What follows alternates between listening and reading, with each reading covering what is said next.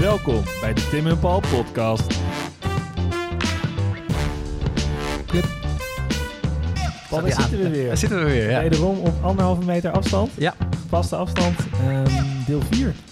Deel 4 van de isolatietapes. Ja. Isolatietapes. Ehm, wie gaat er beginnen deze week, deze keer? Nou, jij hebt het net gezegd dat jij graag wil beginnen, Tim. Je staat te popelen, ja, zie ik. Ja, ik, ga, ik, sta echt, ik sta hier echt klaar voor. Het Ja. is namelijk, ik heb hier een staaltje namelijk. Ik ben heel benieuwd. Wij weten trouwens, eh, voor de luisteraars, wij weten niet wie Nee. eh, de ander heeft gekozen. Dus Nee. voor het is totale verbijstering komt Ja. ons straks... eh, Ehm, ik heb gekozen ja? Philip Freriks. Waarom, Tim? Philip, Freriks, ik zou hem toch wel echt De, willen... de, de grote... De Philip Freriks, ja. Oké, ja. Ik zou hem toch wel willen, willen, willen typeren als zeg maar de grand monsieur van de Nederlandse journalistiek. Mhm. Hij is eigenlijk eh, in de jaren 70 tot nu voortdurend aan het front geweest der journalistiek. Oké, Ehm, en laten we gewoon bij het begin beginnen. En er is één moment waar ik, waar ik naartoe wil werken. ja. ligt Bouw al- het op. Ja, ik Maak ga het opbouwen. En Ja. Dat ligt al een beetje in het verleden, dat moment. Maar ik ga gewoon beginnen. Eh, hij is geboren in juli 1944 en is echt een oorlogskind. Ja. Hè? Een beetje die generatie babyboomers, ook van mijn ouders. En in zijn studietijd is hij al, al eigenlijk gewoon een original gangster legend of the game. Want hij gaat namelijk politieke wetenschappen studeren. En het is al wel redelijk vet. Maar dat gaat hij doen in Parijs. Dus zie je hem wel zitten met gewoon, gewoon peukje erbij, rode wijn, intellectueel doen. Het is gewoon vet. Ehm, nou, vervolgens is hij dan een tijdje buitenlandcorrespondent in Frankrijk. Ehm, en hij is ook nog een tijdje journalist voor Le Monde. Ehm, Niet, maar- niet eh, de kleinste krant. Nee, nee, Nee. nee. ja, ik vraag me ook af hoe je dat zo snel wordt allemaal. Maar kennelijk was hij goed in wat hij deed. Nou, dat blijkt ook wel nu. Hè? Mm. Achteraf gezien. achteraf gezien in hindsight. Ehm, maar het, het wordt echt vet als hij op een gegeven moment vanaf 77 is hij in Parijs en dan is hij buitenlandcorrespondent van de NOS. En nou denk je, nou oké, weet je, Tof. buitenlandcorrespondent eh, van de NOS in Parijs. Waar gaat dit heen, Tim? Ja. Nou, nu Tot nu komt toe, oké, leuke carrière, hè? niks misgunnen, maar... Nu komt de wending. Eh, in 1984 vlucht er namelijk een misdaadduo uit Nederland naar Ja. Frankrijk toe. Ja. Heb jij al enig idee wie dat zijn? Is dat eh, het dynamische duo die te maken hebben met eh, de Heineken-ontvoering? Op dat moment verdachte van de Heineken-ontvoering Cor van Hout Allegedly. en Willem Holleder. Ja. En eh, ja, weet je, zij zijn inderdaad op dat moment verdacht van die Heineken-ontvoering. Er is losgeld kwijt. Ik weet niet precies of ze nou op, op, dat, op, op, dat- op dat moment echt al in staat van beschuldiging gesteld waren. Maar anyhow, ze gaan naar Frankrijk omdat Frankrijk op dat moment geen uitleveringsverdrag heeft op het gebied van ontvoering Kijk. met Nederland. Eh, er is een maas in de wet. Ja, Ja. En, en wat voor een. En het is natuurlijk weer Moscovic senior die dat vindt. Die, Ja. die zegt tegen die gast, nou, als je ergens naartoe wil gaan, moet je nu naar Frankrijk gaan. En wie treffen ze daar? Philip Freriks. Philip Freriks, die doet daar gewoon eigenlijk voortdurend verslag van hoe die twee daar in dat hotel vastzitten. Want de chick is dat er eigenlijk helemaal, helemaal niks gebeurt. Want ehm, zij willen eigenlijk berecht worden in Nederland. Ze willen niet in Frankrijk berecht worden. Maar het- is onderhandelen over de, over de voorwaarden. Het is gedoe. En die twee zitten gewoon in een heel lullig soort van campanile eh wegrestaurantachtig hotel langs de snelweg Ja. zich helemaal stierlijk te vervelen. En het ziek is vervolgens ook weer dat Heineken een aantal eh ja, geheimagenten daar heeft, he- heeft geposteerd die alles in de gaten houden. Dus er is ook beeld dat je Philip Frerik zo heel ja, een beetje uitlokkerig naar die gasten toe ziet gaan van nou eh, hè, meneer, waarom eh, bent u mij aan het fotograferen? Ik doe gewoon mijn werk, Ja. zegt, zegt Philip dan. En dan zeggen die gasten ja, ik weet niet waar u het over heeft hoor. En dan zie je Ik gewoon... sta je gewoon te staan toevallig Precies. met z'n zessen. En Ja. dan zie je gewoon op het dashboard van die auto een tering grote camera met een tering grote telelens liggen. En dan is er een soort van discussie tussen Philip Freriks en die, en die geheime agenten. Zo van, eh, nou, in die camera dan? En zegt Philip van, nou, is dat eh, voor de vakantiekiekjes? Ja, Pieter, weet je, Parijs, mooie stad. Er worden Ja. veel foto's gemaakt. Zo vet. Nou, dus eh, dat is het moment voor mij dat de naam Philip Freriks gemaakt is. En het, het loopt, het, ja, we weten denk ik allemaal wel hoe dat afloopt met die twee eh kornuiten die daar dan in het hotel zitten. Ze worden op een gegeven moment naar een, een eiland gebracht wat zowel Nederlands als Frans is. Ja. En dan kunnen ze de grens over en zijn ze plots in Nederland. En voor Philip Freriks loopt het heel goed af. Ehm, die wordt gewoon nieuwsanker bij de NOS en is ook voor mij altijd die guy van het 8 uur journaal geweest. Hij is een ja. beetje gewoon die fan, toch? Van ja. het NOS ja, dat is, ik bedoel, inmiddels in rust, hè?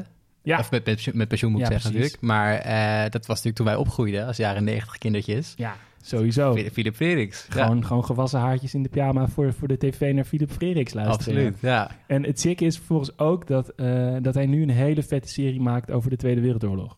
Kijk. Met, ehm, dat was eerst over de slag in Normandië. ja. En nu gaat het verder eh, over hoe, het in, hoe er in Nederland gevolgd is. En dat is wel een aanrader ook. Zou je eh, denken dat ze het dan ook gaan hebben over Market Garden, Tim? Sterker nog, Paul, die aflevering is al geweest. Dit ben je. Ja. Wauw, heb jij daar ook nog een bijdrage aan Nee. Nee, Nee, even maar, gepasseerd. maar ons, ons allerheld Anthony Beaver natuurlijk wel. Die Uiteraard. uit een treurige interview. Tuurlijk, ja. Ja. Nice, Dat was hem. Cool. Ja, dankjewel. Ik neem even een stokje bier. Want ik moet van goede huizen komen, wil ik... eh, Om dit te kunnen toppen om dit te kunnen toppen. Ehm, ja, mijn eh, persoon is iets internationaler dan eh Oké. Philip Freriks. Nou, correspondent in Parijs vind ik, vind ik is, wel is afstand, is af- absoluut. Ja. Het is 600, 700 kilometer hier Ja. vandaan. Eh, de persoon in kwestie waar ik het over ga hebben... ehm, is niet alleen veel verder geweest dan, eh dan Philip Freriks... maar ook veel hoger geweest. Ik ga het namelijk hebben over de eerste vrouw in de ruimte. Wauw. Ja, dat is eh, een naam die waarschijnlijk heel veel mensen niet per se kennen... want vaak als we het hebben over de ruimterace... Hebben we het over André Kuipers? hebben we het uiteraard over André Kuipers. Griet Ehm, titulaar speelde daar ook een rol in. Prachtigste baard in Nederland ooit. Eh, maar dan hebben we het over Neil Armstrong en dan hebben we het over Ja, Yuri tuurlijk. Gagarin en zo, Ja. weet je wel. Maar vandaag gaan we het hebben over eh, Valentina Tereshkova, de eerste vrouw. Russisch. Ja, Russisch? hoe raad je het zo? Nou, hè? Ja, zit misschien ja. Ik weet niet of ik het goed uitspreek, maar in ieder geval de eerste vrouw in, eh, in de ruimte. En wat maakt haar nou bijzonder, behalve dat dat al Dat dat al sick dat is. zeggen? Ja. Dat is gewoon al heel sick. Ehm, het zegt ook iets over de periode ehm, waarin zij zich bevindt natuurlijk. En dat zij ehm, deel is van een gemeenschap, van een land eigenlijk... waarin mannen- en vrouwenrechten wat dichter bij elkaar liggen dan in de westerse wereld. Ja, maar dat is toch ook, ook het bekende ding toch in de Tweede Wereldoorlog... dat er ook gewoon vrouwen in het, in het Russische leger vechten. Absoluut, Dat ja, dan gaan we het... eh, commandant ja, zijn ook, ja. absoluut, die horen erbij. Dat, ik bedoel, het zit natuurlijk al in de naam van het communisme... dus dat Ja. iedereen min of meer... Een soort van gelijke status heeft. Ja, dat is wel, wel het concept erachter. Een gelijke lage status zou ik bijna zeggen, maar wel gelijke... Gelijke staat. Ja, als iedereen laag is, dan is, dan is het alsnog gelijk. Ja. ja. Ehm, zij is in principe ehm, textielwerker. Eh, volgt een opleiding aan het, eh, per brief aan een technische universiteit. Eh, gaat op de 22e parachutespringen. Wordt fantastisch fan daarvan. Wat op zich ook al heel vet is. Hè? Dit is in, praten over 1959. Zij is een dochter van iemand die, haar vader, die gesneuveld is in de winteroorlog met Finland. Oké, Uh, dus tijdens de, tijdens de Tweede Wereldoorlog. Ehm, dus zij groeit op eigenlijk alleen maar met haar, eh, met haar moeder, die eh, haar en haar eh, familie opvoedt. Zij gaat parachutespringen, heeft ze niet tegen de moeder verteld. Want hè, je bent als moeder zijnde, Dat er gebeurt iets met je kinderen. idee. Dat Ja. gaat niet helemaal lekker dan.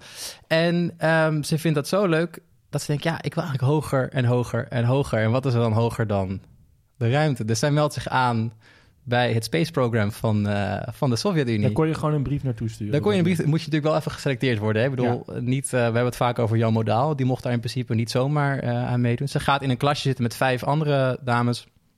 Of met vier andere dames. En vervolgens wordt zij, uiteindelijk wordt zij geselecteerd dat zij dat mag doen na zware training en zo.